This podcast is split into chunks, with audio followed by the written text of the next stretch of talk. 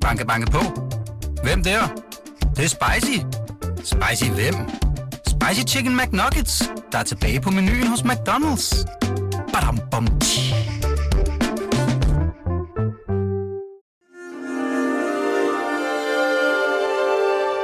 Du lytter til Weekendavisen. Her kommer det næste kapitel med Hassan Prejsler. Velkommen til. Her i første time fører gæsten penslen, men i anden time overtager jeg, og så er det mig, der tegner portrættet. Og jeg vil så gerne ind bag selvfortællingen, ind gennem sprækkerne, ind i mørket, ind og møde mennesket derinde. I det uperfekte findes nemlig det egentlige bånd fra menneskesjæl til menneskesjæl, for vi er jo alle, når alt kommer til alt, både hovmodige, griske, misundelige, øsle, vrede, dogne og nydelsessyge. Dette er vores menneskelige forbandelse, men også forbindelse og dermed frelse, for så behøver ingen af os jo at være alene. Første gang vi mødes, er det på min gæsts hjemmebane, men når vi ses igen et par dage senere, så er det inde hos mig på Weekendavisen. Dette er det næste kapitel, og jeg hedder Hassan Prejsler og er hjemme hos Nynne Bjerre Christensen. Nynne Bjerre er du vel bare kendt Ja, som, ikke? det tror jeg, man selv bestemmer. Mm. Og tillykke med fødselsdagen. Ja, tusind tak. Du fylder 45 i dag. Ja. Eller måtte jeg sige din Så- alder? Ja, Det, det er du ikke krukket omkring? Nej, det vil jeg nok sige. Ja. Det er jo, det, det er en, altså det er jo en, man kan sige, det er en rund fødselsdag, ikke? Det er 45, det, Vi er halvvejs. Godt og vel, ikke? Hvis Jo. vi skal kigge på gennemsnitsbetragtningen. altså hvis det går godt, at du er halvvejs, Det ikke? går godt. Ja. ja. Øhm, nå, men jeg, Der kører ikke så mange busser ude på vejen her, så jeg håber, jeg undgår en og, trafikulykke. og inden det er jeg sjovt, du siger det, fordi det gør der virkelig ikke. Altså, det er jo et meget, meget stille sted her i Hellerup. Ja. hvor du bor sammen med din mand og jeres fire børn i alt. Ja. Du og Simon har tre børn sammen, Ja. og Simon har en datter fra et tidligere ægteskab. Og øhm, det er Simon Andersen, der er din mand, som er nyhedschef på Berlingske. Ja. Altså journalist, ligesom du er. Ja. Og I har været sammen i mange år. Øh, 12 år har I Ja. været gift i hvert fald. ja, det er rigtigt. Ja. Ja. Det er næsten, ja. Ja. Vi kendte hinanden i 14. Jeres børn er 8, 10 og 12. 8 til 12. Ja. Og så er der øh, En på 22. en på 22. Ja. Ja, vi kører i rundtal i år, øh, så er det jo nemt at huske. ja. De er også født i juli, august, september og oktober. Det er også noget, der er timet og tilrettelagt. Okay.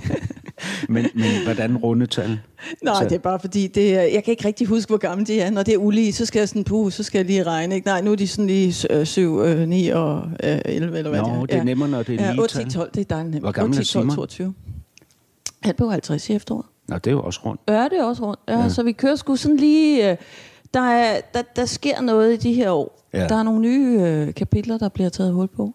Men du var inde på Synes det der jeg. med, at der er stille herude, der kører ikke nogen busser og sådan noget. Det kan man roligt sige. Jeg gik fra Dysegård station her ned i Hellerup, ja. Ja. hvor I så bor, og jeg tror, jeg på de 450 meter, der er, tror jeg, at jeg støtte på mellem 5 og 7 mennesker i alt. Ja. Men så har du misset rush hour jo, fordi rush hour er jo lige midt i, øh, lige lidt i 8, hvor alle børn går i skole op på Dyskårdsskolen. Og der er jo ret vildt i Dyskård. Ja, Derefter dør det fuldstændig ud, øh, og så, så er der stille. så æbber det ud. Ja, fordi der er jo heller ikke rush hour, når de bliver hentet. Der er lidt omkring klokken 4, men altså, ellers så går de, futter de jo selv hjem stille og roligt. Men klokken 8 er der meget, meget travlt i Dyskård.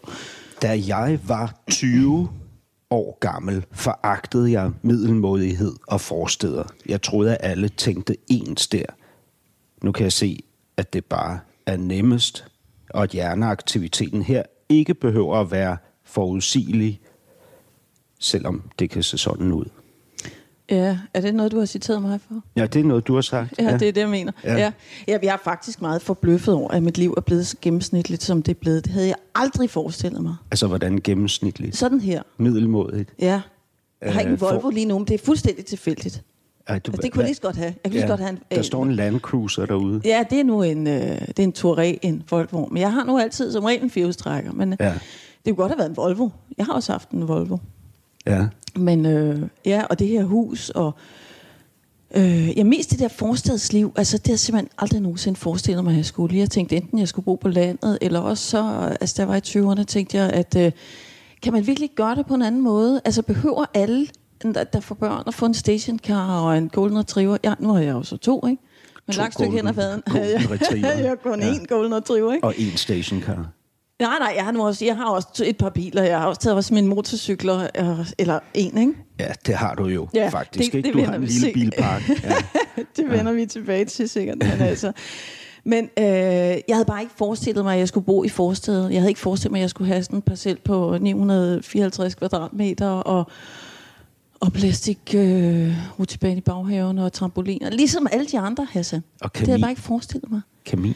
Ja, kamin. Men det kan man jo også have på landet. Det er, Altså, det er jo ikke, kamin. det, jeg, jeg, jeg synes alligevel, det, er, altså, det virker lidt anderledes end et, et, end et, sådan et klassisk Hellerup hjem, sådan som jeg i hvert fald Nu forestiller må du mig også det. lige regne med, at det er jo yderste revle af Hellerup postnummeret, det her. Og dem, der bor i Hellerup, vil ikke sige det her Hellerup. Det her er Dyskov. Lige over på den anden side af jernbanen, som kører i baghaven, så, så ja. mere stille er der jo heller ikke. Der hedder det altså Dyssegård. Så det er, det, det er, det er kun af navn, at vi hedder Hellerup her. Det er Ja, ikke så og for dem, der ikke er Vi er fra på den det- gale side af motorvej. Ja, og for, ja, nemlig ikke. For dem, der ikke er fra det her område, så kræver det måske lidt øh, øh, forklaring. Fordi Der er Hellerup, frygtelig meget snopperi i Gentofte Kommune. Ja, og Hellerup er jo det fine, og Dysegård er det mindre fine. Ja. Dysegård ligger op ad Vanget og Søborg og sådan Ja, noget, ikke? det er noget værre noget. som i hvert fald i, i et historisk perspektiv var noget værre noget, ikke? Sådan lidt gennemfartsområder. Øh, områder, ikke? Men det, jeg jo ville sige med det, er, at, øh, at nu synes jeg jo, det er et fantastisk sted at bo. Altså, Ja.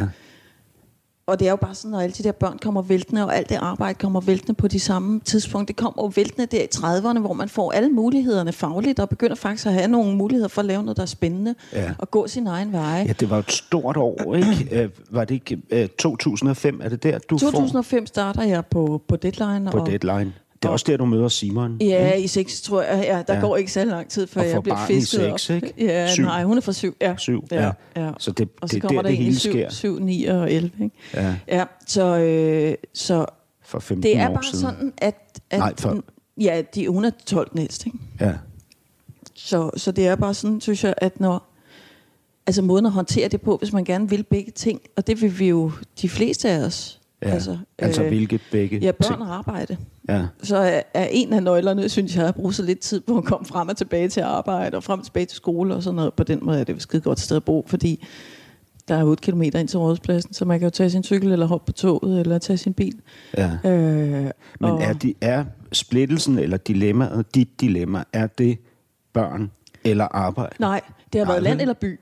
Land eller by? Ja, land Ja. eller by. Jeg har godt nok kigget på mange bondegårde, og det, det er Og nu er du fælles endt for... sådan midt imellem? Ja. Altså endnu en middelmådighed? Ja, simpelthen en Ja. middelmådighed. Og der skete jo så det, øh, da jeg mødte Simon, der var han jo gift i forvejen øh, og boede i Harskoven.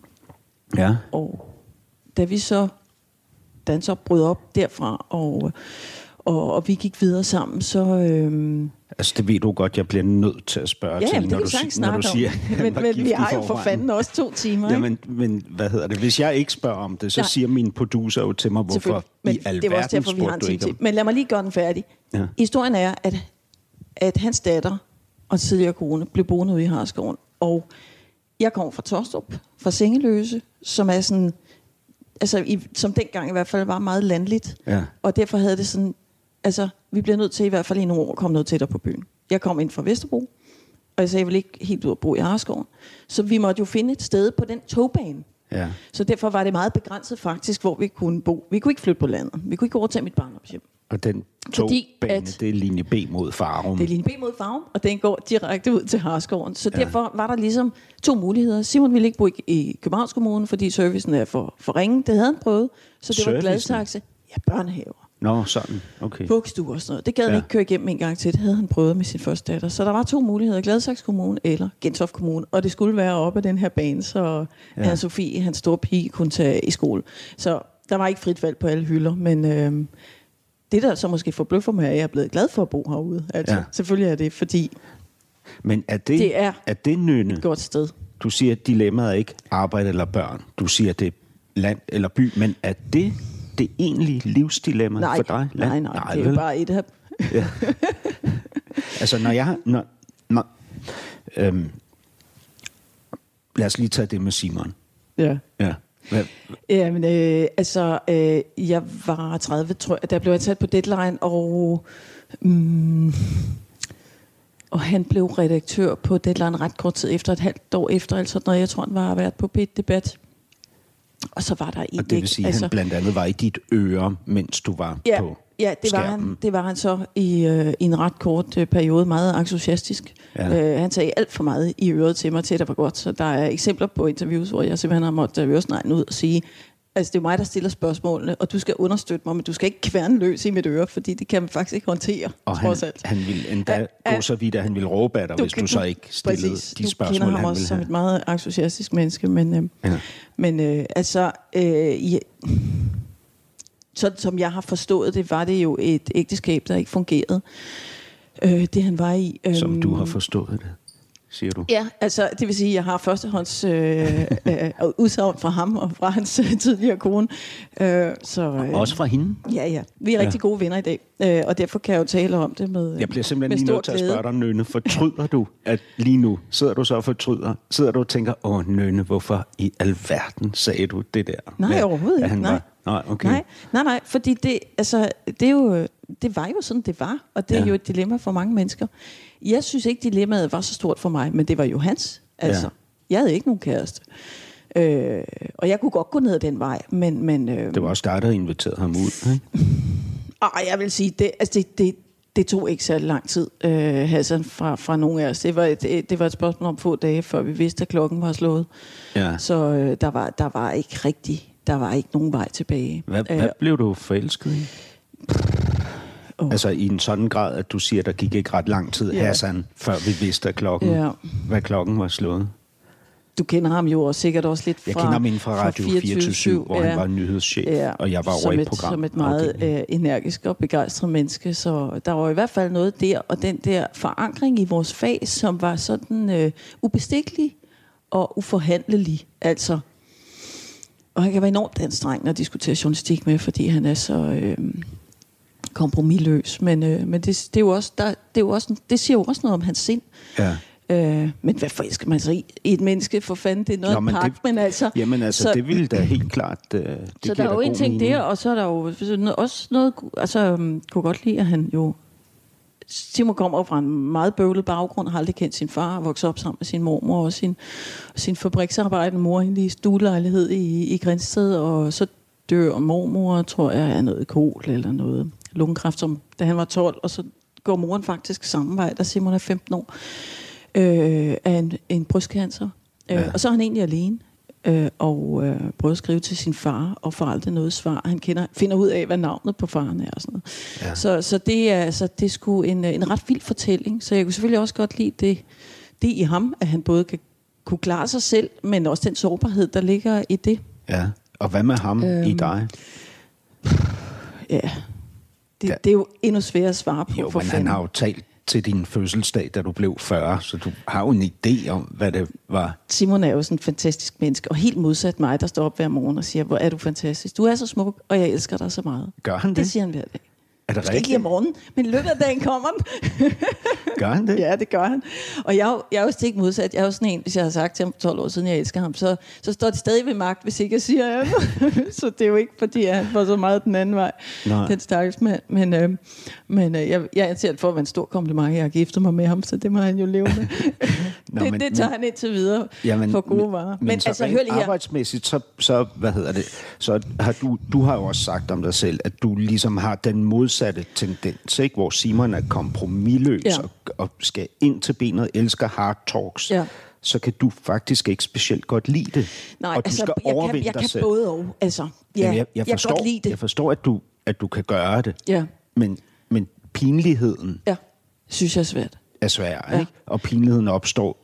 Når man øh, hvad hedder det, sidder over for et andet menneske og spørger ind til noget, som det andet menneske for eksempel ikke har lyst til at tale ja, om. Ikke? det er jo en ydmygende situation, og det er ikke behageligt at sidde over for et menneske, som, øh, som bliver ydmyget. Jeg foretrækker at prøve at se, om vi kan gøre det på en anden måde, men altså til, på den sidste dag, og, der, og når der skal svares, så kan der godt opstå meget dårlig stemning i studiet. Men da jeg var i værtstræning ude på DR, så, øh, så sagde Tine Götze, øh, som, øh, som lavede profilen dengang til mig, at øh, man skal bekæmpe sin trang Profilen? til... Ja. Ja, profilen var jo sådan ugens gæst øh, dengang. Nå, altså sådan. et, et program, Ja. som Kurt øh, Strand gjorde stort, og så ja. overtog Tine, Tine det på et som tidspunkt. du i øvrigt er aktuel med nu, Ja, fordi det er I rigtigt. skal til, eller I lige er startet op på at lave programmet Makulator, som ja. også kører på DR. Ja, ikke? og det går Ja. ja. faktisk så hurtigt, så vi også lige har stoppet det igen, fordi det var en ret kort øh, udsendelsesrække, men, men det kan være, det kommer igen. Okay. Øhm, det, det går jo hurtigt ud i DR i de her år, men, øhm, men øh, altså, må jeg ikke lige samle op på det der, Jo, jo, det der jo. ægteskabsbrud? For det var Nå, det, vi jo, øh, jo, det ikke er fik rigtigt. gjort færdigt, Ja. ja. og som du var øh, lidt nysgerrig efter, hvordan egentlig var kommet i stand. Men Ja. ja. altså, vi faldt for hinanden. Det, øh, det kunne ikke være anderledes. Og så, og så gik Simon hjem og sagde, at, øh, at nu skulle han skilles. og det kom faktisk øh, meget hurtigt i stand. Øh, Ja. Og øh, jeg kan huske, vi sad... Ja, så skal man jo skrive under på, hvis man gerne vil skilles hurtigt, så skal den involverede part jo også skrive under på, at der har været utroskab involveret. Det ved jeg ikke, om du selv har prøvet, men Nej, sådan nej. var det i hvert fald dengang, at Ja. der var ikke noget nem idé. Nej, det på- så, med øh, så man kan blive skilt hurtigt, hvis, der, hvis, øh, hvis den anden part har været utro, og det skal den anden parts nye part så skrive under på. Og det kan jeg simpelthen huske, vi sad og skrev under på ude i foyeren i TV-byen i Søborg. Ej, hvor vildt. Ja. Få, få måneder efter, vi havde lært hinanden at kende. Ja. Øh, og så fulgte, altså, så, så, så fulgte selvfølgelig en ret tumultarisk periode. Øh, øh, fordi øh, der var et barn involveret, som øh, selvfølgelig lå Simon primært på sinden, og det kunne da også lige mangle andet. Øh, men, øh, men, men hen ad vejen landede det på benene, ja. og der var mange diskussioner frem og tilbage med statsamtet. Jeg kan huske, at statsamtet har- bruger sådan en helt særlig font. De har en skrift, de bruger en helt særlig skrifttype. Ja. Øh, og jeg kan simpelthen altså mærke, hvordan jeg, som jo ikke var primært involveret, nærmest fik tynd mave, hver gang der lå et brev fra statsamtet, fordi Simon og Anna, hans tidligere kone, des, desværre vil jeg sige i dag, altså brugte alt for meget energi på at skrive frem og tilbage om, om det der barn skulle være syv dage det ene sted, eller fem dage det andet sted.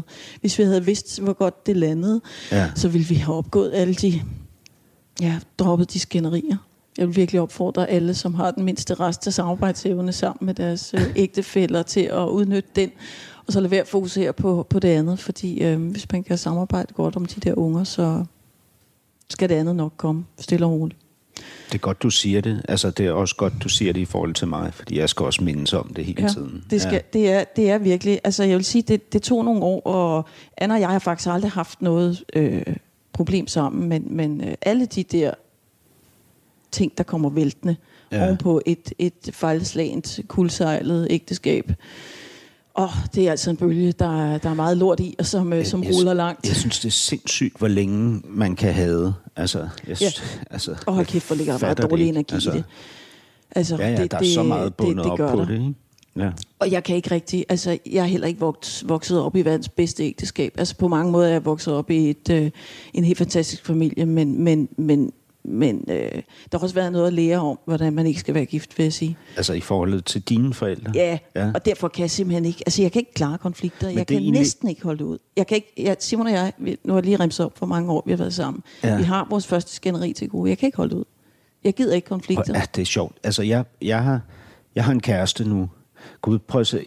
Nå, der, der står en pejs derovre, ja. og på den pejs står en gammel træ øh, sporvogn. Ja, den fandt vi faktisk i et antikvariat oppe i, øh, i øh, Nykøbing. Nå, men jeg har en man til. Er det rigtigt? Ja, der er bare et uh, sporvognsnummer på. Den er ikke helt så smadret som den der, Ja, men det er fordi, at min dreng faktisk har slippet den ned, og han vil male den op, fordi den var meget smadret. Okay, men prøv at høre, det, nu kan jeg jo lige beskrive, hvor det er, vi er, fordi der, vi, jeg, altså, vi har jo allerede rigtig mange tråde ude, ikke? Til forældrene nu også, Ja, ja. ikke? Altså, men, øhm, hvad hedder det, jeres ægteskab, forholdet og sådan noget, som jo er på det professionelle plan er præget af, at Simon er en, øh, hvad hedder det, øh, kontroversiel, kompromilløs øh, journalist. Og Jeg har aldrig forstået helt det med det kontroversielle. Nå, han, han er bare kompromilløs, ja, og det, og det giver selvfølgelig Men kontroverser. jeg kan love dig for, at det i sådan som jeg ser det danske medielandskab, ikke, så er det kontroversielt Ja, at det være det ikke kompromis. være. Nej, det Ja. burde det i den grad ikke være. Nej. Nej. Og du er den mere kompromissøgende, som, Ja. ja. hvad hedder det, i hvert fald rent professionelt ikke så godt kan lide øh, øh, konflikter og sådan noget. Og herhjemme, Det kan jeg heller ikke privat. og, og heller ikke privat. Nej, det og kan Simon heller ikke. Nej. Altså, når folk siger til mig, at han er jo tyren færdig, han privat som blad, altså han vil hellere snuse til blomster, end at gå i uh, managen. Ja, det er, så er dig, det rigtigt. Der, det er dig, der styrer hjemmet herhjemme, ikke? har du sagt. Jo, Det er også dig, der har købt huset. ja, ja. Ja. Øh, Og det, det, er dig, der han har, så ikke i. du har øh, biler og motorcykler. Ja, ja, det blander han så ikke i. Han tager det, der står ude ved fortorvet, hvis øh, han skal bruge en bil. Okay. Så, så der kan godt stå noget nyt. Øh, så, nå, spændende. Det er så en, en tråd, vi har Men, ude, øh, og så jeres men- børn og sådan noget. med. Og så det her hus, øh, som jeg var i gang med at, øh, at prøve at nå frem til at beskrive, som jo står øh, i Dysegård på kanten til Hellerup. Ikke? Ja. Og prøv at høre, Nynne, det, det, det, du ved det godt, Det er ikke? noget af en rodebutik. Det er noget af en rodebutik. altså, Jamen, du, du, det, nu har vi jo lige snakket om, du har været i Annette Heiks hjem, som jeg tænker må være Det- lidt antitesen Jamen, til det er det simpelthen det modsatte af det her hjem. Ja. Nå, men I har jo fine designerlamper og, hvad hedder det? Ja, i, I mangel af fantasi har vi jo så lige fået købt noget ordentligt nogle design. Louis, Louis Poulsen lamper Præcis. og, og hvad hedder det og så har I et BRO fladskærms TV på ja. men men udover Er du det klar over, så hvad det der glasbord kostede? Det er altså også... Øh, det, det står over på MoMA. Det er blevet designet til MoMA. Det synes jeg, du glemmer at nævne. jamen det vil måske Men det er ikke helt en nypudset. nej det er det ikke det er meget meget støvet og beskidt ikke og, og hvad hedder det Nå, men, jamen altså det, det er jo bogregionen bogregionens øh, hylder bøjer øh, fordi de er tynget ned af bøger ja. som bestemt ikke er sat i hverken alfabetisk eller farveorden øh, Det sidste ville jo også være en dødssynd, ikke? Det er vi vel enige om. ja ja absolut ja. øhm, Jamen, de nå. bliver jo brugt det der, det ryger jo ind og ud af dem, altså. Og så kan jeg sgu ikke lige huske, hvor de kom fra, og så ryger de, når de læste, så ryger de lidt ind ovenpå og sådan noget. Prøv lige at høre. Vi er jo ikke pensionister endnu for fanden, så jeg så får dem sorteret, når jeg bliver gammel. af, afsindig meget Lego. Ja. Ja. Øh, altså Lego ud over det hele. Ja, Ja, I det er der alle hjørner og kroge ligger ja. der. Øh, Men så har du ikke set ovenpå på børneværelserne. er det helt kaotisk der? Mm. Har I, har I, øh, hvem gør rent? Vi har faktisk en, der kommer en gang imellem og gør rent et par gange Hvor om ofte? måneden. Et par gange om måneden. Ja, men altså, vi gør rent. Øh, nu nåede jeg ikke lige i morges, for eksempel, ligger der nogle, nogle vindhekse derovre af Nå, det noget kan jeg hunde, godt se. ja. hundehår. Det går meget, meget hurtigt her i butikken, så øh, vi støvsuger da nok faktisk hver dag. Det skulle man ikke tro. Nej, Jeg nåede det ikke lige her til morgen. Du kom meget, meget tidligt, og det, jeg har jo også fejret fødselsdag. det er rigtigt. Klokken er 8.30, og det er din 45-års fødselsdag. ja. Ja. Men altså, jeg, jeg har det godt. Jeg, jeg, altså, at komme et sted, hvor der er sådan her, øh, gør mig sådan tryg og, og Ja. afslappet. Jeg vil, jeg vil ikke selv kunne holde til det derhjemme. Nej, det er der mange, der siger. Der skal, hvad hedder det, der kan ikke ligge de der vindhæks og Lego-klodser og sådan noget. Det skal ryddes op hver Jeg dag. har faktisk ryddet vildt mange Lego-klodser op, inden du skulle komme. Det skal okay. du vide. Ja. Altså, i går aftes var der en kæmpe togbane her, og Emil er i gang med at bygge Saturn-raketten, ja. øh, Apollo, øh, Apollo-raketten i ja. Lego, og den stod også ud over det hele. De har kun ryddet op. Jeg ryddede op i går aftes, og så har de ryddet mere op her til morgen, inden ja. Jeg stod op, fordi jeg havde fødselsdag. Men, så altså, jeg synes faktisk, det er rimelig pænt. Sådan altid i betragtning. Men, men jeg er godt klar over, at det ikke... Altså, Nu der er fik- mange, der ikke kunne leve i Nu det fik her. vi jo lige, fordi du var inde på det med Tine øh, Goethe, så fik vi jo lige nævnt det mest aktuelle øh, i forhold til dig. Det, der skal jo gerne være sådan en Ja. aktuel krog Ja. i programmet, og det er så dit øh, program på DR Maculator, som vi jo nu er fået begyndt at ophøre. Ja, igen. jeg håber, men, det kommer igen, ja. for det har været rigtig sjovt at lave. Ja, øhm, men, men altså senest så er du også blandet dig i sagen omkring kvindelige værters fuckability. Ja, Hvorfor gik du ind i det? Fordi der var Altså nogen, der sammenhængen ringede. mellem tiltrækningskraft og tilstedeværelse i fjernsynet. Altså, det er ikke noget, jeg opsøger selv. Det er heller ikke noget, jeg skriver om på Facebook. Men hvis folk ringer til mig, så kan de da godt få en holdning til det. Ja. Jeg synes bare ikke, der var nogen, der sagde det helt oplagt i hele den der Som er diskussion. hvad? Om de høje hæle. Altså, at... Altså... Ja, hvordan skal jeg næsten belægge mine ord? Altså, hele den der diskussion gik jo på, og, om det at være tv-vært ligesom var for alle. Det var ikke for alle at være skuespiller. Altså det... Øhm, men jo værterne skal på, om- være sådan nogen, du har lyst til at være i stue med som udgangspunkt. Men det er jo ikke men det det gør heller ikke noget, du har lyst til at være i seng med dem. Nej, det er jo det, det Øhm, handler om, ikke? At, jo. at dem, du ser på skærmen, skal være nogen, du har lyst til at knalde. Ja. Altså, jeg synes, at det, der, der er en lille tendens i den modsatte retning. Jeg synes ikke, der er meget at hænge hatten på, men for eksempel øh, øh, Sofie, som har været på øh, X-Factor. Jeg ved ikke, om du ser X-Factor Sofie engang. Linde? Ja. Ja, det ser jeg med min Øh, datter hver og, fredag. og hvis du lægger mærke til, hvordan Sofie er stylet, så er hun jo faktisk ikke høje hæle, korte kjoler og kavalergang. Hun er sådan... Altså hun kommer jo også fra hele det her børne, børnefjernsynsunivers, men hun er jo øh, ikke stylet på den måde. Hun har tit sådan store dynejakker på, og meget, meget sjovt hår, og vilde papillotter og sådan noget. Det synes jeg egentlig er meget positivt. Men, men øh, vi kan jo bare ikke komme udenom, at... Øh, øh, altså, at man skal have en eller anden grad af tiltrækningskraft, når man er på fjernsynet.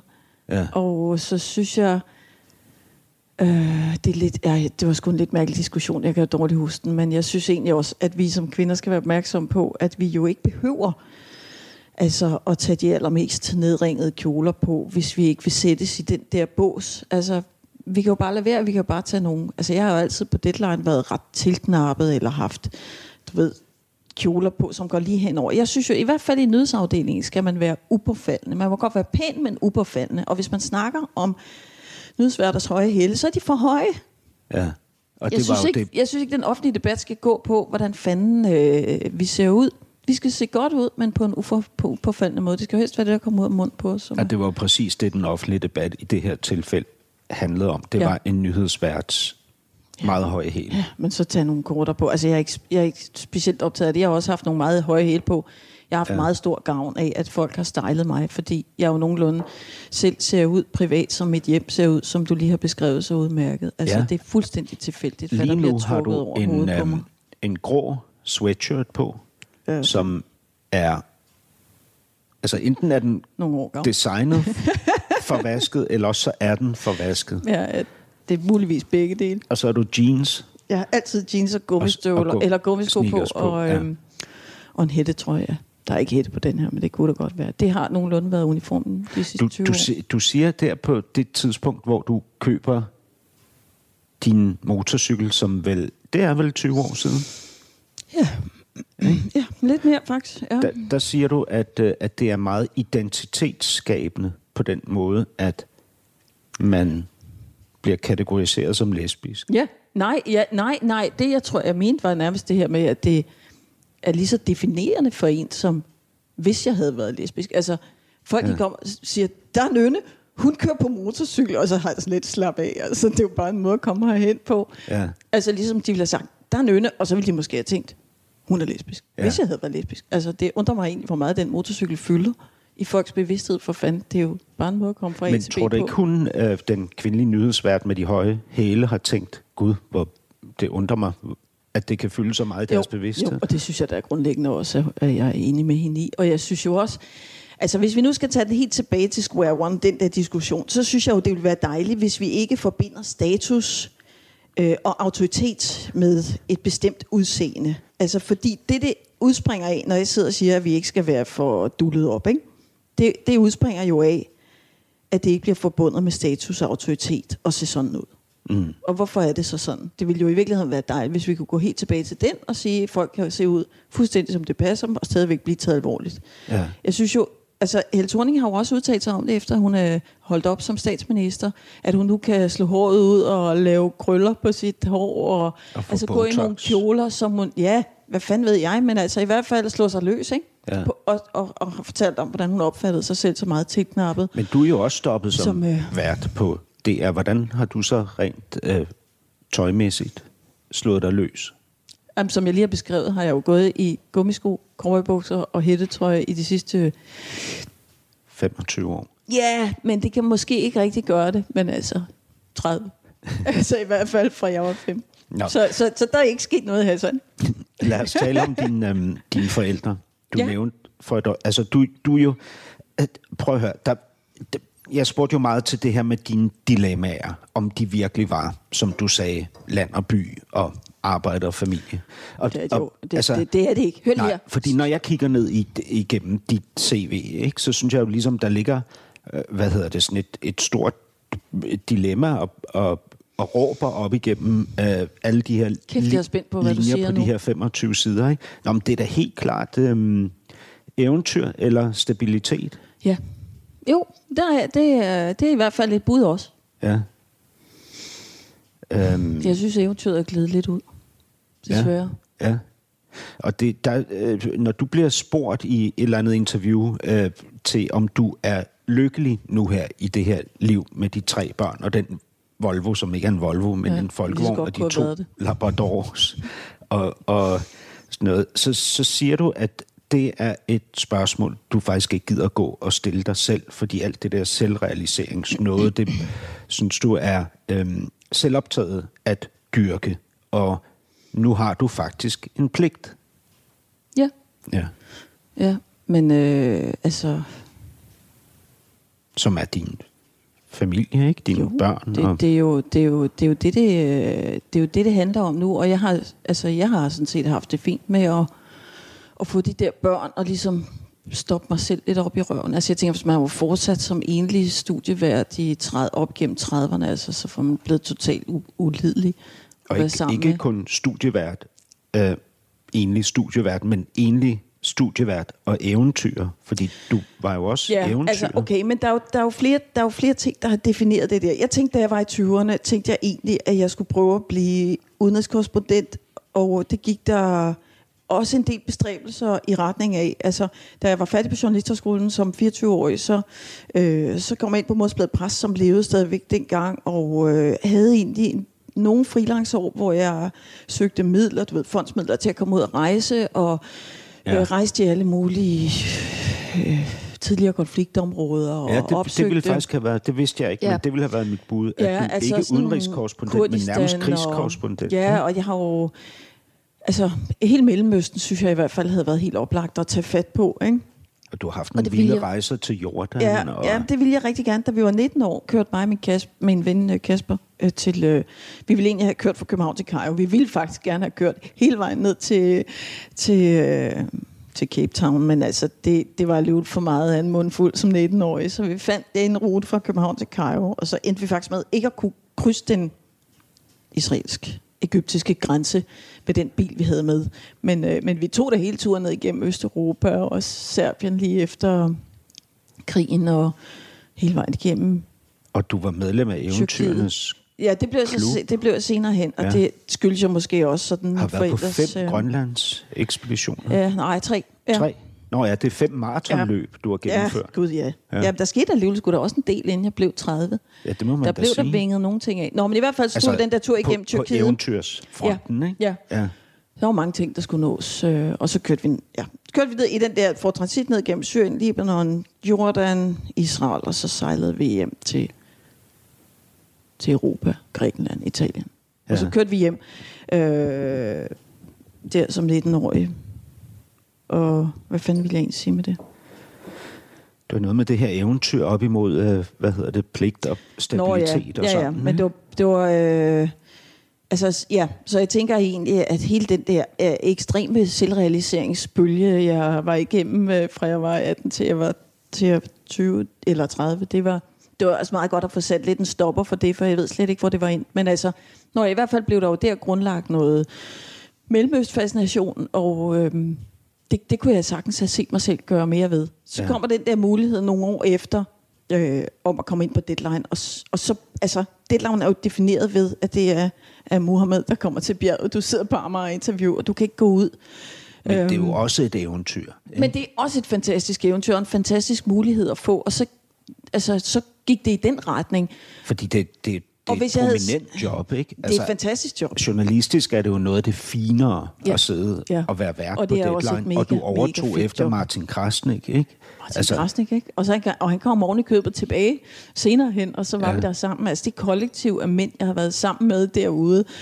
Kurt Strand, Martin Breum, Krasnik, Adam Holm, Rosenkrantz, alt talt. Altså bedre selskab kan en kvinde skulle ikke være i. Nej, det er et eventyr, ikke? Jo, det er også et eventyr, og derfor siger jeg også, at jeg synes jo ikke, altså, det har jo bare fået en anden karakter.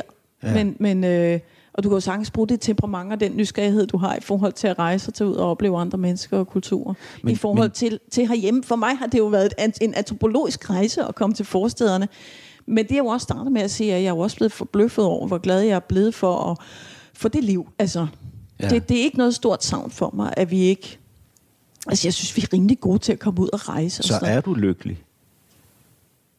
Nu blev, du blev spurgt om det her, hvor du sagde, Jamen, at det synes, vil det er du jo- ikke beskæftige dig med. Altså på en måde synes jeg jo, det er et fuldstændig uinteressant spørgsmål. Hvorfor?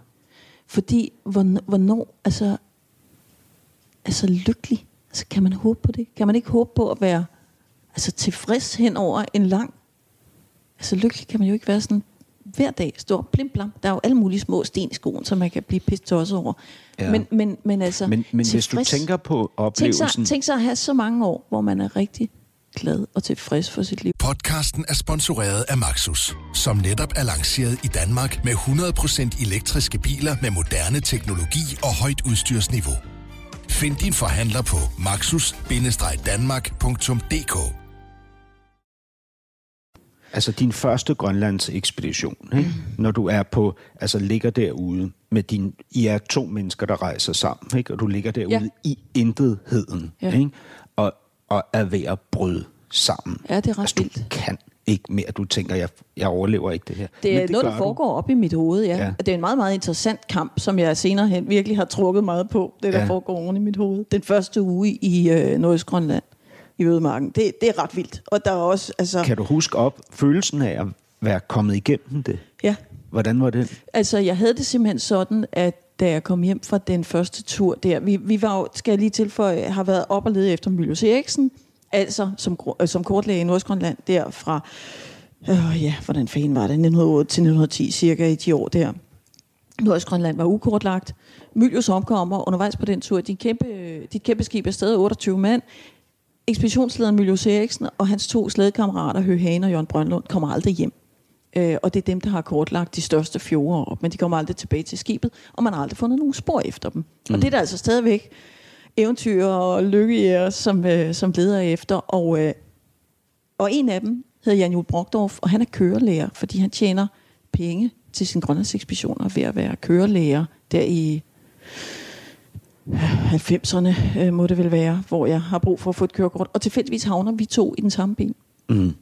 Og fordi min far har været på så mange grønlandsekspeditioner, og mit familie i det hele taget, så er det bare sådan, okay, hvis du får brug for en til at tage til Ja, Grønland med, din far. så vil jeg fandme med. Ikke kun din far, men også din, din hans onkel. Ja, ja, og, alle mulige. Og så videre. Ja. Ikke? Rigtig mange Ja. øhm, Lige akkurat. Jens Bjerre, som du måske sigter til, tror jeg ikke har været så meget på Grønland. Han har jo været meget hos mennesket og Ny Guinea og Aborigines, og var den første til at dokumentere altså oprindelige folk der i Central-Australien, Centralafrika og sådan noget. Ja.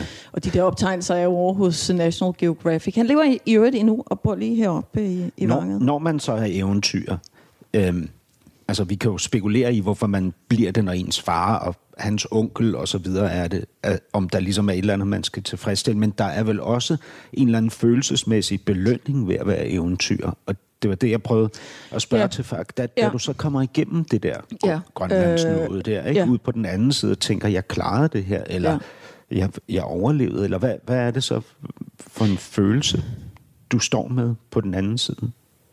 Altså, fuldstændig utvetydigt, at jeg kunne alt. Ja.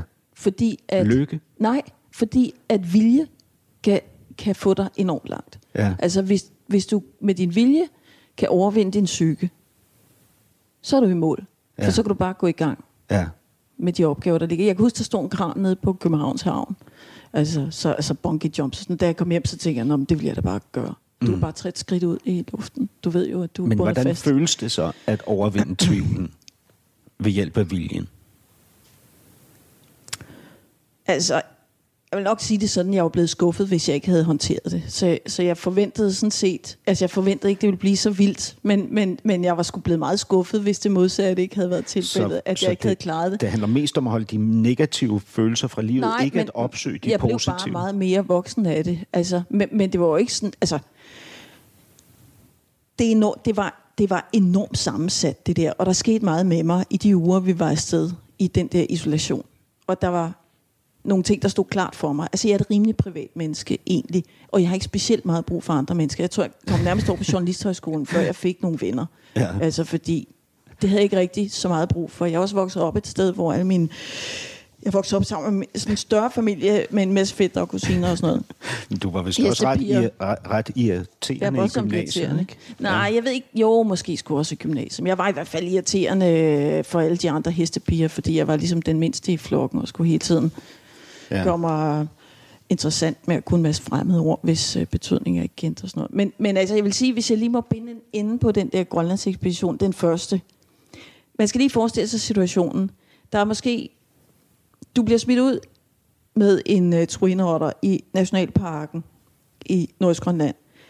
Øh, og der er måske, jeg ved sgu ikke, hvad vi havde, altså 500.000 km op til Station Nord, hvor der sad en håndfuld sergeanter. Og så er der måske 1000-2000 km ned til det nærmeste levende menneske sydpå. Og det vil sige, det svarer til, Hassan, at du og jeg sidder her, og, og så de næste sidder op på Nordkap, og så sidder der nogen nede i Marseille. Ja. Ikke? Der er ikke nogen mennesker derude. Der er ikke noget. Og, så, og du kan meget tydeligt mærke, du kan gå rundt og finde eskimoiske bopladser og sådan noget og konstatere, de er altså også gået hjem. De har ikke været her de sidste 150 år, fordi der er bare ikke noget at leve af. Mm. Der er nogle bjørner, og der er nogle valrosser, og de er bedst farlige. Så når du står derude og kigger ud over øh, fjorden, ikke? og så kan du se, der kommer sgu en bamse, og der kommer en lille, en lille tut bagefter, ikke? en lille isbjørnunge, så er du altså meget klar over, at det her er sgu ikke, øh, det er ikke din hjemmebane, og du er ekstremt sårbar. Og så, og så er der, så er der, og det, altså, det synes jeg faktisk er en, en situation, der presser en så meget, at man ikke kan forudse det. Og så er der også det der med, at det er så stort, ikke? Og man har lyst til at gå hjem og sige til far, hvor fanden sagde du ikke, det var stort? Det eneste, han havde sagt til mig, der, der er altså virkelig, der, der er virkelig lange afstand, det er meget stort, ikke? Ja. Men det, du forstår det jo ikke i maven, før du står deroppe, hvor vildt det er, og hvor lidt du passer ind. Og så kommer man jo der med sit telt og sit kano og forsøger at ligesom passe ind, men det er jo totalt meningsløst. Altså, det er ikke et sted for mennesker. Og det er, det er så vild en proces, at der gik en uge, hvor jeg bare var helt knudet og krøllet sammen, og samtidig var vi også sådan presset, fordi vi skulle frem, og vi havde noget lorteis og sne og sådan noget. Ja. Ja, så det, det, øh, altså det synes jeg skulle være, øh, det, det, det har virkelig præget mig meget, øh, at, jeg, at jeg så kunne komme over det, og så, altså jeg har en meget stærk vilje, og jeg har en høj arbejdsetik. Jeg er ja. godt klar over, at det ikke skal være et skønt maleri, men disciplin og arbejdsetik når man altså virkelig langt med. Ja, det er du også opdraget med Ja, at det er sige. Ikke? Fordi Øh, jo, sagde jo, jeg synes jo ikke, det var sjovt, også. da jeg var, da jeg var barn, at mine forældre piskede os ud i det der. Jeg synes også, de var, de var sgu også rimelig hårde altså, i deres øh, overbevisning om, at børn skulle lære at klare sig selv. Altså, I var meget overladt til jer selv, ikke? Nej, ikke så meget det, men altså, vi blev bare ligesom spændt for vognen. Ja, Altså, vi skulle bare bestille noget. spændt for vognen og, og skulle Altså, den bare... der sofa er jo ikke lavet til at sidde i. Nej. Nej, du Okay. går og puffer nogle buder og sådan noget, men altså, man Ja. sidder sgu ikke i en sofa, og man ligger i hvert fald ikke på den. Nej. Der er helt sikkert noget, der skal laves. Jamen, du siger også sådan et, et eller andet med, at der ikke er plads i verden til dogne mennesker. Ja, det, det, de må finde deres egen plads, men jeg overgår det næsten ikke. Og Dog- det er faktisk en ting, jeg de- deler med min mand. Altså måske især, måske især dogenskab for folk, der faktisk har evnerne. Altså det, ja. det har jeg sgu svært ved at tilgive dem. Ja. Men øh, Nynne, du kommer, du kommer med din far i Eventyrens Klub, ja. hvor du ser alle de her mennesker, som ja. Ja. ligesom din far arbejder med noget andet for at skaffe penge ja. Ja. til det store eventyr. Altså, det er jo ikke? min forældres omgangskreds. Det er jo deres venner. Din far dyrker tomater. Ja, han er tomatavler i min. Tomatavler. Ja. Ja, og så ja. Ja. tager han på eventyr, ikke? Ja. ligesom sin onkel, og ligesom ja. Ja. alle de andre Ja, medlemmer, du nævner, Ja. øh, ham der er kørelærer, Ja. Som ja. ikke er kørelærer Ja, for at han være er faktisk ikke kørelærer, medlem af klubben. Han møder jeg tilfældigt i en anden sammenhæng. men, Men, han altså, er eventyr, ikke? Ja, og det er jo nogle vilde, vilde, vilde typer, der kommer ind i eventyrets klub. Altså, Hvad, hvad, hvad er det vilde? Ja, men de er bare så... Øhm, altså... Øhm, jeg ved ikke rigtigt, hvad man skal sige, uden at det bliver meget klichéfyldt. De, de er, fordi de mennesker, for eksempel... Jeg sidder og tænker på sådan en som Torben Wolf, der er dybhavsbiolog, som blev begravet for et år eller to siden. En mand, der er altså meget højt op i alderen, bevaret sin begejstring, sin nysgerrighed, sin, sin evne til at, at, at, at, at, at læse livsløst ind i en hvilken som helst situation. Altså Palle Hul, kongelig skuespiller, som jo øh, du ved, rejste rejst verden rundt som, øh, som barn øh, i en tur Ja. sponsoreret af politikken, og det blev så altså, du ved, hans, hans, hans åbning ind mod verden. Al, alle de der menneskers øh, begejstring, synes jeg jo var, altså det har fandme været en gave at vokse op med det.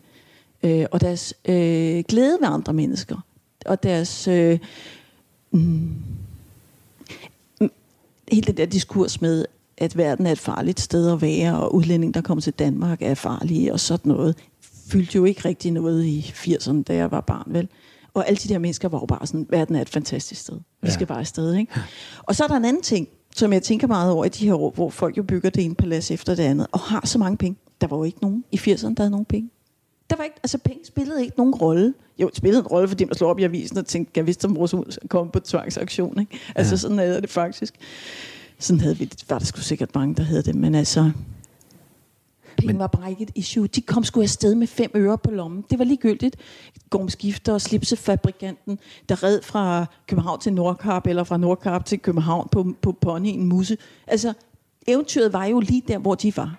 Og ja. det synes jeg, øh, altså det var fandme en vild ting at vokse op med. Det var min forældres nærmeste venner. Og det træder du jo så ind i. Er det så er det den samme begejstring, du ligesom så mærker? Det er altså... i hvert fald den samme ubekymrethed, altså i forhold til at møde verden. Ja. Jeg ved ikke, hvor begejstret jeg vil være for, at min datter hun hoppede ind i en kassevogn og sagde, nu kører vi til Cairo lige efter studentereksamen. Men man må fandme give mine forældre, at de har været large på det område. Der har aldrig nogensinde været nogen begrænsninger, heller ikke i forhold til at komme hjem til fest. Og er, er de er du... skide glade. Du kommer, når du synes, at det er rigtigt at komme hjem, og du er træt af at feste, og du kommer hjem fra, ja, farvel, farvel, I kører til Cairo. Der var jo ikke nogen mobiltelefoner, du lige, altså der var jo ikke noget som helst, vel? Man kunne skrive lidt undervejs, måske kunne vi finde en eller anden telefon, ja. et eller andet sted men, siger, at, at men der, var, der var jo ingen, der vidste, hvor fanden var. Du vil ikke om, at dine børn Altså, de, ja, ja. Høre, det, vil jeg, det vil jeg jo blive nødt til. Men, men jeg vil fandme skulle bekæmpe har, det. Har du og Simon indrettet jeres familie på samme måde, at I ligesom du og han buller der ud af, og børnene må bare hoppe på, og de bliver hentet øh, ned i skolen, hvis de bliver hentet, eller nej, så må de selv finde Nej, hjem. altså, øh, og det er nok det, jeg vil identificere som et, et, øh, et regulært dilemma i mit liv i hvert fald. Hvordan det? At, øh, altså... Øh, Ja, fordi Hvor hårdt du, skal man gå til de der unger, ikke? Ja, og du, Hvor meget skal altså, man kræve af dem? Fordi når, når, altså din, de teorier, du ligesom hvad hedder det, fremfører også nu, som handler om, at du skal klare dig selv, du mm. skal kaste dig ud i det, dogenskab er, er en synd, og, ja. og se at komme afsted, rejse dig op, aktivitet, hold ja. dig selv i gang hele ja. tiden. Ikke? Det kan Klar være meget, meget plagsomt at være en slave af sin egen disciplin, som min far plejer at sige. Og, og du udsætter ikke dine børn for det her? Øh. Ja, altså det, det, er, det er virkelig en overvejelse. Jeg tror nok, ja. det synes jeg er hårdere end de fleste andre møder her i kvarteret, men det er fandme heller ikke særlig hårdt. Nej. vil jeg sige. Nej. Og det har ikke krævet meget. Og, du, og, og kæft, jeg synes, ikke andet, er forkælet, altså. Jamen, du har i et eller andet interview sagt, at mine børn skal lære at begå sig i verden, så derfor tager vi dem med til Kreta. Ja, præcis, ikke? Altså, og jeg synes jo også faktisk, det er selv vildt fedt at bo på luksushoteller. Altså, jeg har jo altid boet på sådan nogle rådne hoteller med mine forældre, fordi vi skal ikke... Pool, det bruger vi ikke. Vi skal sgu bare ud og rygsækken på nakken og sådan noget, ikke? Ja. Når man i virkeligheden bare som barn havde lyst til at få en pool et eller andet sted i Hartsen, ikke? Det var der ja. sgu ikke noget af. Altså, åh oh, nej, jeg synes, det er svært. Altså, fordi jeg har sikkert også selv bevæget mig i sådan en lidt mere malig retning. Og nogle gange tænker jeg også, hvad er det egentlig? Altså behøver jeg virkelig blive ved med at underlægge mig selv det her regiment Hvad vil der ske, hvis du slap det? Det vil jeg jo heller ikke trives i, fordi når man trods alt har haft de der præmisser i så mange år, så er det jo, altså, jeg trives sådan set også godt med at være i gang, og der hele tiden sker noget. Når jeg kan se kalenderen en sjældent gang imellem, at der faktisk ikke er vildt meget arbejde, så har jeg sådan, gud, hvad skal jeg så lave? Og så ja. går der jo 10 sekunder, altså, så, så er jeg jo, så har du... så er jo et eller andet projekt i gang. Eller så har jeg fået tænkt, at der var en hel masse ting, der ligesom kunne ordnes i den der periode, så... Ja hvad så, har du så, egentlig lavet, siden du stoppede på deadline for et par år siden? Jamen, jeg, jeg, jeg er jo... Altså, jeg, jeg, du er freelancer? Ja, jeg havde jo ikke... Altså, som vi lige har snakket om, så var der jo ikke noget job, jeg hellere ville have end det der. Fordi det var Hvorfor et fantastisk du? job. Jamen, det er der jo mange forklaringer på. Altså, og sikkert du var også mange... tør, siger du. Ja, altså jeg synes, udsendelsen trængte til fornyelse. Men jeg kunne ikke også mærke, at jeg ikke selv kunne, kunne give den det.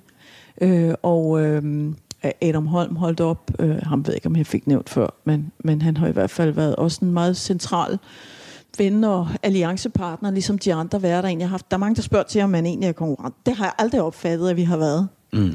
Og Krasnik laver en fantastisk interview, eller Adam laver noget fantastisk, øh, øh, så synes jeg, det har skinnet tilbage på udsendelsen og løftet os alle sammen. Så det, det har der aldrig været der. Tværtimod har jeg altid været rigtig glad for mine øh, kolleger, som jeg også aldrig har arbejdet sammen med, fordi vi altid laver udsendelsen hver for sig. Men altså, Krasnik holdt op, fordi han skulle ind på Weekendavisen. Adam holdt op. Øh, og øh, Breven var holdt op på det tidspunkt, og det havde egentlig været en fantastisk tid. Altså, vi har haft 10, 10 år med et rimelig stærkt kollektiv, og jeg havde lyst til, at der skulle ske noget med udsendelsen, men jeg kunne også mærke, at jeg var flad ovenpå, at, at have haft den i de der 10-12 år og fået tre børn undervejs. Mm. Øh, og da jeg sagde op, sagde min chef, jeg fatter slet ikke, du har holdt så længe. så jeg synes nok også, at altså, ikke fordi jeg tror, hun billede det, men altså, jeg, jeg, hun kunne også godt se, hvor slidt jeg var. Mm. Men det kræver også noget overskud egentlig at kunne gå ud i noget nyt. Øh, og, og det overskud havde jeg heller ikke haft i nogle år, så, så jeg havde bare ligget lidt lavt og passet mit job. Men jeg kunne mærke, at jeg begyndte at springe over nogle steder, hvor gæret var lidt lavere, end det burde være. Mm. Øh, og vi som redaktion gjorde det. Altså, vi, der var nogle skridt, som vi ikke uh, gik, som vi burde have gået i en udsendelse, som der knytter sig de forventninger til, og, og de forhåbninger til, som jeg også selv har til den. Øh, og, øh, og jeg kunne mærke, at den hest kunne virkelig være svær at komme op på. Altså, jeg kunne ikke, jeg, jeg kunne ikke, jeg kunne ikke komme længere med den, mm. der hvor jeg var. Men jeg troede, jeg skulle være der fem år, da jeg startede. Jeg havde været der 12, ikke? Øh, men okay, der var ikke nogen egentlig udsendelse, jeg heller ville bestyre. Jeg var også træt af at arbejde om aftenen, og jeg var træt af de der 10-12 timers arbejdsdage. Fordi bare lange og slidsomme, og øh, mange år med for lidt søvn, fordi tidligere op og små børn og sent til seng. Men, ikke? men, men det lever jo, altså på den måde, så har dit liv jo levet op til dine idealer, eller dit, Ja, ja. Dit regime, eller hvad ja, man skal men kalde nu er det. jeg 45 altså, i dag, Hassan, og nu skal der altså ske noget andet fremover. ikke? Så hvordan gjorde fanden så, tager vi da, de der da du stoppede med? der? Hvad, så blev du Nå, ja. freelancer? Og, og, Det vil sige, at der var ikke noget andet job, jeg ville heller ville have. Jeg ville ikke have noget fast arbejde, men jeg kunne heller ikke, jeg kunne heller ikke holde til det mere. Og så, som du sikkert ved, så er det jo sådan, at, mange værter har nogle bidjobs og arbejder som ordstyre og øh, moderatorer til konferencer. Og øh, der tjente jeg jo nogle penge ved siden af, og så tænkte jeg, hvorfor fortsætter jeg ikke bare med det? Hvorfor skruer jeg ikke bare op for det? Så har jeg en hverdag, der sådan mest en del slikker fra, fra et eller andet spænd fra 8 til 5, og det var egentlig det, jeg gerne ville frem til, at jeg kunne arbejde lidt mere på det tidspunkt, hvor mine unger var i skole, og, og Simon det, var det på er det, du arbejde. gør nu? Så. Ja, det er det, jeg gør nu, og så mixer jeg det jo med noget programproduktion. Vi har et P1-program, som jeg laver en gang imellem sammen med Adam og en række andre dejlige mennesker, og mm. jeg laver jeg, jeg afløser på deadline en gang imellem, og nu har vi lavet Makulator og øh, laver nogle podcasts også for Berlingske en gang imellem. Og, mm. Så det er både programproduktion, og så, og så, øh, så laver jeg rigtig mange konferencer.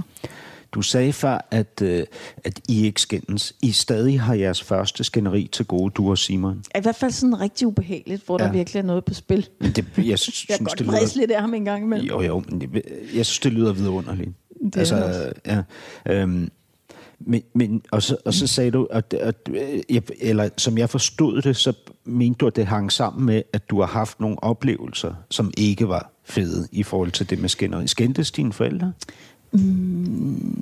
De skændtes ikke så meget, men når det gik galt, gik det rigtig galt. Hvad, hvad betyder det? Altså, min far er en meget tålmodig mand, men når han blev vred, så, så, øh, så, så, skulle, man, øh, så skulle man gå ud i stallen. Altså, så, så, så, så skulle man ikke være inden for, for muren. De havde... Hvad altså, han? Jamen altså, øh, det var ikke fordi, at han altså, slog omkring sig og sådan noget, men, men, men Slog han? Nej, nej, nej, det er det, jeg siger. Men, men, men han blev, han, han, kunne, han kunne en sjældent gang imellem blive meget vred. Ja. Øhm, altså, mine forældre var sammen i 20 år, og jeg vil sige, øhm, set i bagspejlet, det, det kan jeg jo dårligt udtale mig om, for det var jo ikke mit forhold, så, så men jeg vil nok sige, at de sidste 10 år kunne vi godt have sparet, sparet hinanden for, men, men der var alligevel så mange tråde, der holdt dem sammen, og vi havde et fantastisk hjem. Vi boede jo derude med, øhm, med min, øh, min bedste forældre, og du ved alle, jeg var lige ved at sige, jeg havde et tomatgarneri, så jeg voksede op sammen med min, mine to farbrødre og deres familie, som boede på to gårde ved siden af, og så min bedsteforældre lidt ned ad vejen, og så, Ja. og så vores gård, ikke? Så på mange Hvad, måder hvad, hvad er var det fornemmelse for øh, det tidspunkt, hvor det begynder at gå ikke så godt mellem forældrene? Hvorfor er det, at det sker?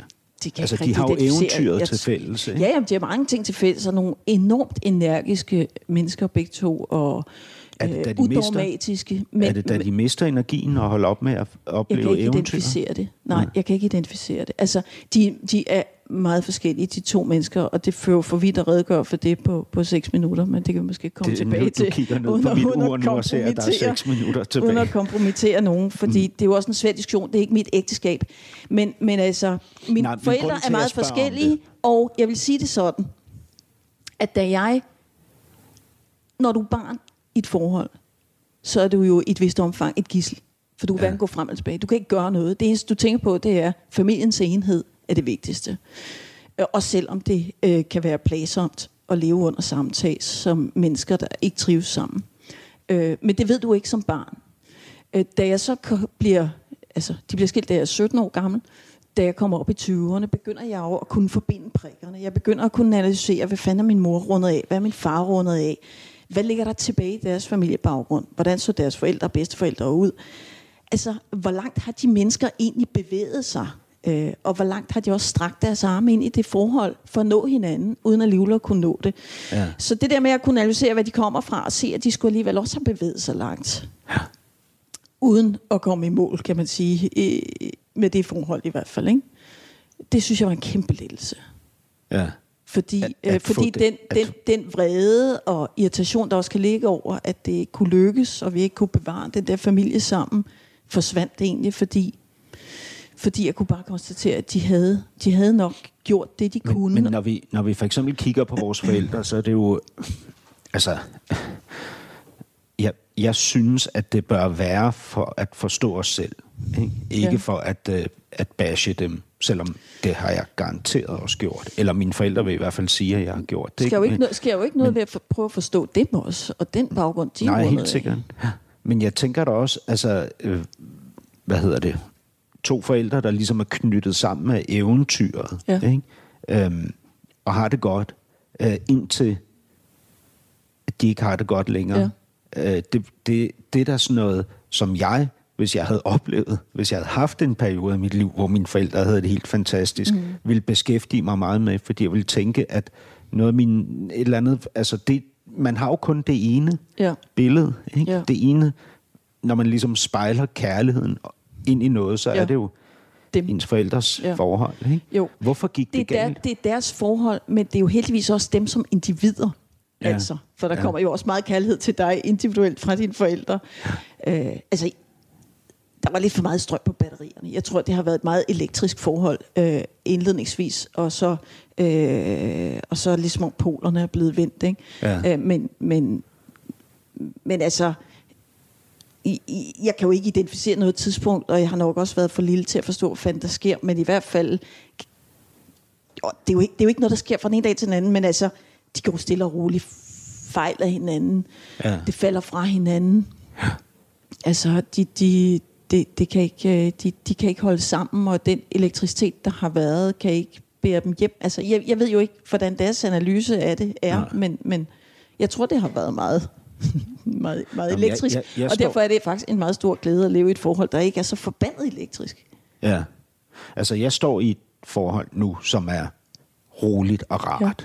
For første gang nogensinde. Ja, jeg aldrig, du, nogensinde... du, du slår mig som en, der godt kan opsøge noget elektrisk. Ja, og det har jeg også gjort. Altså, i, øh, hvad hedder det, stigende grad, så det til sidst kun var elektrisk. Der var ja. ingen fornuft tilbage i nogle af de sidste forhold, jeg havde. Men, men nu, nu er jeg ligesom et sted, hvor der er enormt rart at være. Ja. Øhm, jeg er jo sindssygt bange for at miste det her. Altså, mere bange, end jeg nogensinde har været før, fordi det her har rent faktisk betydning for ja. mig. Og jeg aner ikke, hvor jeg skal kigge hen for at forstå, hvordan man gør det på den gode måde. Fordi det har jeg ikke set. Altså, jeg har ikke set det lykkes. Du har ikke set det effektueret? Nej. Øhm, men det kan vi måske tale videre om. Jeg vil bare ja. gerne lige nå at runde et dilemma mere her de ja. sidste par minutter. Ikke? Ja. Øh, hvad hedder det? Du, øhm, du, du øhm, tror jo på Big Bang. The Big Bang, ja. altså den videnskabelige skildring af, hvordan jorden ja. opstod, men du er også religiøs. Ja, yeah, altså jeg har i hvert fald, altså nu sidder jeg også og snor mig her, ikke? fordi øh, hvad fanden skal man sige som fornuftigt menneske, men jeg har i hvert fald et tilhørsforhold til en kirke, som jeg er meget glad for at komme i, og tilhørsforhold til en præst, og det har jeg også haft til en forrige præst, der var inde i Vartov Kirke, som det drejer sig om. Ja. Øhm, så, øh, så, så øh, det må ja. jeg jo konstatere er, er en del af min bagage, som jeg hverken kan eller, eller vil væk fra. Og det er jo en bagage, der stammer fra dine forældre. Ja, fordi bedsteforældre. De, og bedsteforældre, ja. ikke? Fordi de var, var jo grundvigianere. Ja. Øh, og kom også i Vartov. Ja. ja. Men, men jeg har jo slået det her op. Jeg ved jo godt, hvem Grundtvig er, men jeg måtte ligesom alligevel ind og læse lidt om Jamen, det. Jeg kan sgu dårligt fortælle dig, hvad grundviganismen er. Jamen altså i hvert fald, øh, når man sådan læser ind på deres egen hjemmeside, inde i, nu ved jeg, jeg kan ikke huske, hvad det hedder, Vartov, og deres oplysningsarbejde, ja. var, øh, det grundvigianske selskab. Ja, ja, ja. Sådan noget, der er flere der, forskellige forer, der holder til derinde. Jamen det handler jo om øh, følelse og inderlighed frem for fornuft?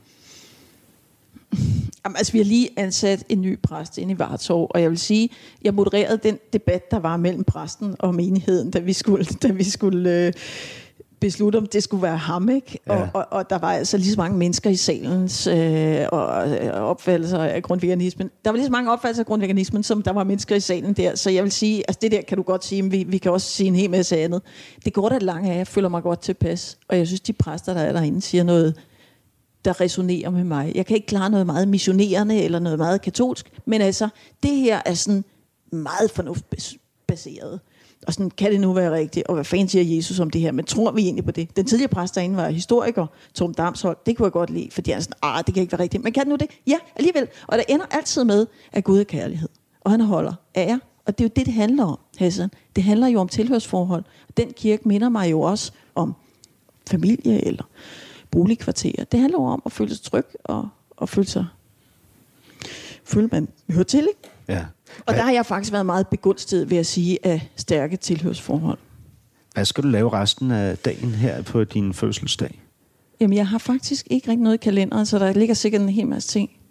Jeg skal skrive nogle fakturer og øh, spise frokost med min mand måske, og øh, jeg skal nok rydde op, gå en tur med hundene. Jamen, der er fandme så meget. Jeg skal også have en hel masse gæster i aften. Gud, ja, dem skal jeg da lave mad til. Du skal have gæster? Ja, selvfølgelig. Ja. Vi skal altid have nogle gæster. Ja. Jamen, øh, tillykke igen, og vi ses Tak. om et par dage inde på Glæder mig til. Weekendavisen. I lige måde. Podcasten er sponsoreret af Maxus, som netop er lanceret i Danmark med 100% elektriske biler med moderne teknologi og højt udstyrsniveau. Find din forhandler på maxus-danmark.dk